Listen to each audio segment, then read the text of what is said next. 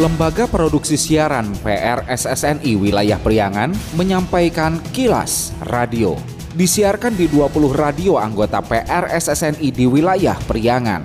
Dan kilas radio edisi kali ini di antaranya mengenai 6 kecamatan di Kabupaten Garut masuk kategori rawan kekeringan ekstrim.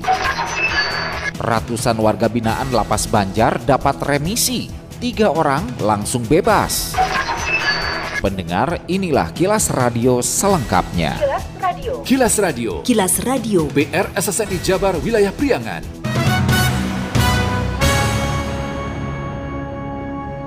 Menyusul penetapan status siaga darurat bencana kekeringan serta kebakaran hutan dan lahan, Pemkab Garut lakukan sejumlah langkah taktis penanggulangan. Sebelumnya, Bupati Rudi Gunawan telah keluarkan keputusan Bupati Garut per tanggal 31 Juli dan penetapan status siaga itu berlangsung hingga 31 Oktober 2023. Bupati Rudi saat kunjungan di Garut wilayah selatan menyatakan 6 kecamatan telah dinyatakan mulai kekeringan ekstrim namun sejumlah langkah telah dilakukan pihaknya. Menurutnya, saat ini diutamakan penyaluran paralon ke masjid-masjid menyusul berikutnya untuk kebutuhan rutin masyarakat. Adanya musim kemarau, ada masjid juga kemarin dalam kunjungan di Kecamatan Cisompet, kita sudah mulai drop-drop paralon. Kemarin itu hanya ditujukan untuk ke masjid dulu. Di masjid sisanya dipakai untuk mencuci pengambilan untuk bahan minum di rumah masing-masing. Nah selama ini kita juga menjadikan Garut sudah dinyatakan dalam siaga bencana untuk kekeringan. Yang sangat ekstrim sudah ada enam kecamatan.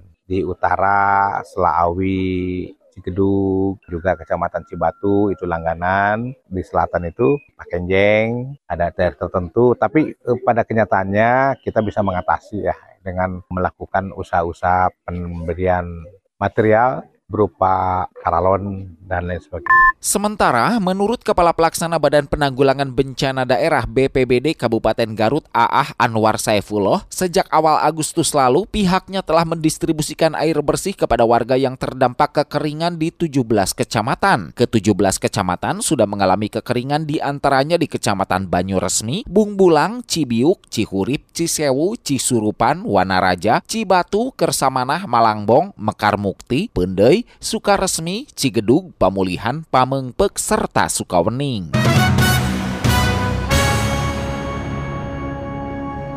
Ratusan warga binaan di Lapas Kelas 2B Banjar menerima pengurangan masa hukuman atau remisi saat memperingati hari ulang tahun ke-78 RI tahun 2023. Dari sejumlah warga binaan yang mendapat remisi, tiga warga binaan juga langsung merasakan kebebasan setelah mendapatkan pengurangan masa hukuman. Kepala Lapas Kelas 2B Banjar Muhammad Maulana menyampaikan dari jumlah total 463 warga binaan yang mendapatkan pengurangan masa hukuman sebanyak 300 87 orang dan hanya 76 orang yang tidak memenuhi syarat menerima pengurangan masa hukuman. Menurut Maulana, mereka yang remisi selain telah memenuhi persyaratan administratif dan substantifnya, juga proses pemberian pengurangan masa hukuman itu merupakan bentuk penghargaan kepada warga binaan yang telah menunjukkan perilaku baik. Syarat mendapatkan remisi itu harus terpenuhi syarat administratif dan substantifnya. Syarat administratifnya yaitu sudah berubah statusnya dari tahanan menjadi terpidana menjadi narapidana. Remisi ini diberikan untuk narapidana. Bukti bahwa yang bersangkutan berubah status dari tahanan terpidana menjadi narapidana adalah dengan adanya eksekusi dari kejaksaan. Makanya walaupun sudah diputus tapi belum ada eksekusinya itu belum berhak mendapatkan remisi. Kilas Radio. Kilas Radio. Kilas Radio. PR SSNI Jabar Wilayah Priangan. Bila Anda mendapatkan hal-hal atau peristiwa penting untuk diliput oleh tim Kilas Radio, hubungi hotline servis kami, SMS atau WA ke nomor 0813 2424 5911 0813 2424 5911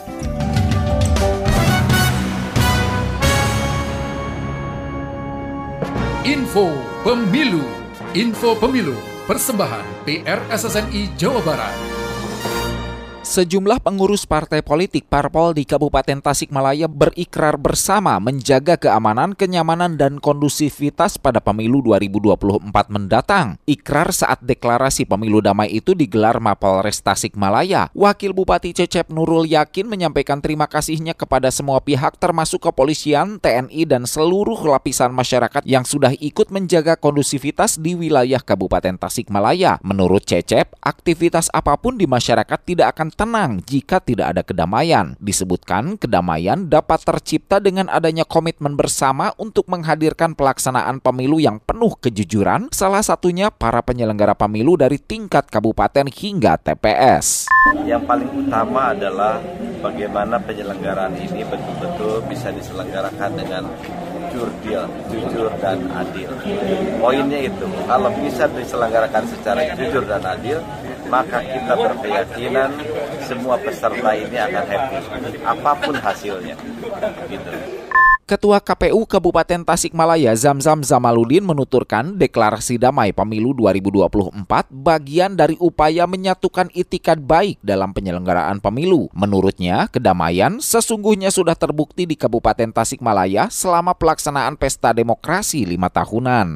Sebagai penyelenggara pemilu baik kegiatan yang diinisiasi oleh Kepolisian Republik Indonesia dalam hal ini terutama Polres Tasikmalaya yang bisa melaksanakan deklarasi ini. Tentu deklarasi ini adalah bagian menyatukan itikat baik di dalam penyelenggaraan pemilu di mana penyelenggaraan pemilu yang dimaknai atau sering dimaknai sebagai arena konflik yang dilegalkan itu tetap dengan tekad untuk bersama-sama menjaga kedamaian dan juga keharmonisan dan itu ternyata di Kabupaten Tasikmalaya sesungguhnya itu sudah terbukti dari berbagai penyelenggaraan pemilu turut hadir pada deklarasi pemilu damai itu digelar Mapolres Tasikmalaya Rabu 16 Agustus selain Wakil Bupati Haji Cecep Nurul Yakin, Kapolres Tasikmalaya, Perwakilan Kejaksaan Negeri Kabupaten Tasikmalaya, Perwakilan Kodim 0612 Tasikmalaya, Perwakilan Brigif 13 Kostrad, KPU, Bawaslu, dan Majelis Ulama Indonesia MUI.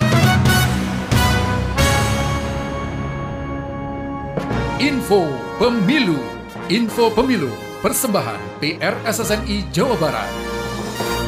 Selain verifikasi administrasi perbaikan terhadap rancangan daftar calon sementara anggota DPRD Kota Tasikmalaya yang telah disusun partai politik untuk pemilu 2024, Komisi Pemilihan Umum KPU Kota Tasikmalaya kini sedang menyusun DPTB, pelayanan pindah memilih bagi masyarakat yang tidak bisa menggunakan hak pilih di lokasi asal. Ketua KPU Kota Tasikmalaya Ade Zainul Mutakin mengatakan layanan itu diberikan kepada masyarakat yang karena keadaan tertentu menyebabkan seseorang tak bisa menggunakan hak pilihnya, misal penyandang disabilitas yang sedang dirawat atau kerja di luar domisili. Menurut Ade, pelayanan juga diberlakukan bagi pasien yang sedang rawat inap dan pendampingnya. Bagi warga masyarakat yang tidak bisa menggunakan hak pilihnya di lokasi asal keadaan tertentu yang menyebabkan seseorang tidak bisa menggunakan hak pilihnya tersebut. Yang pertama adalah bisa karena yang bersangkutan adalah penyandang disabilitas yang sedang dirawat di panti sosial atau di panti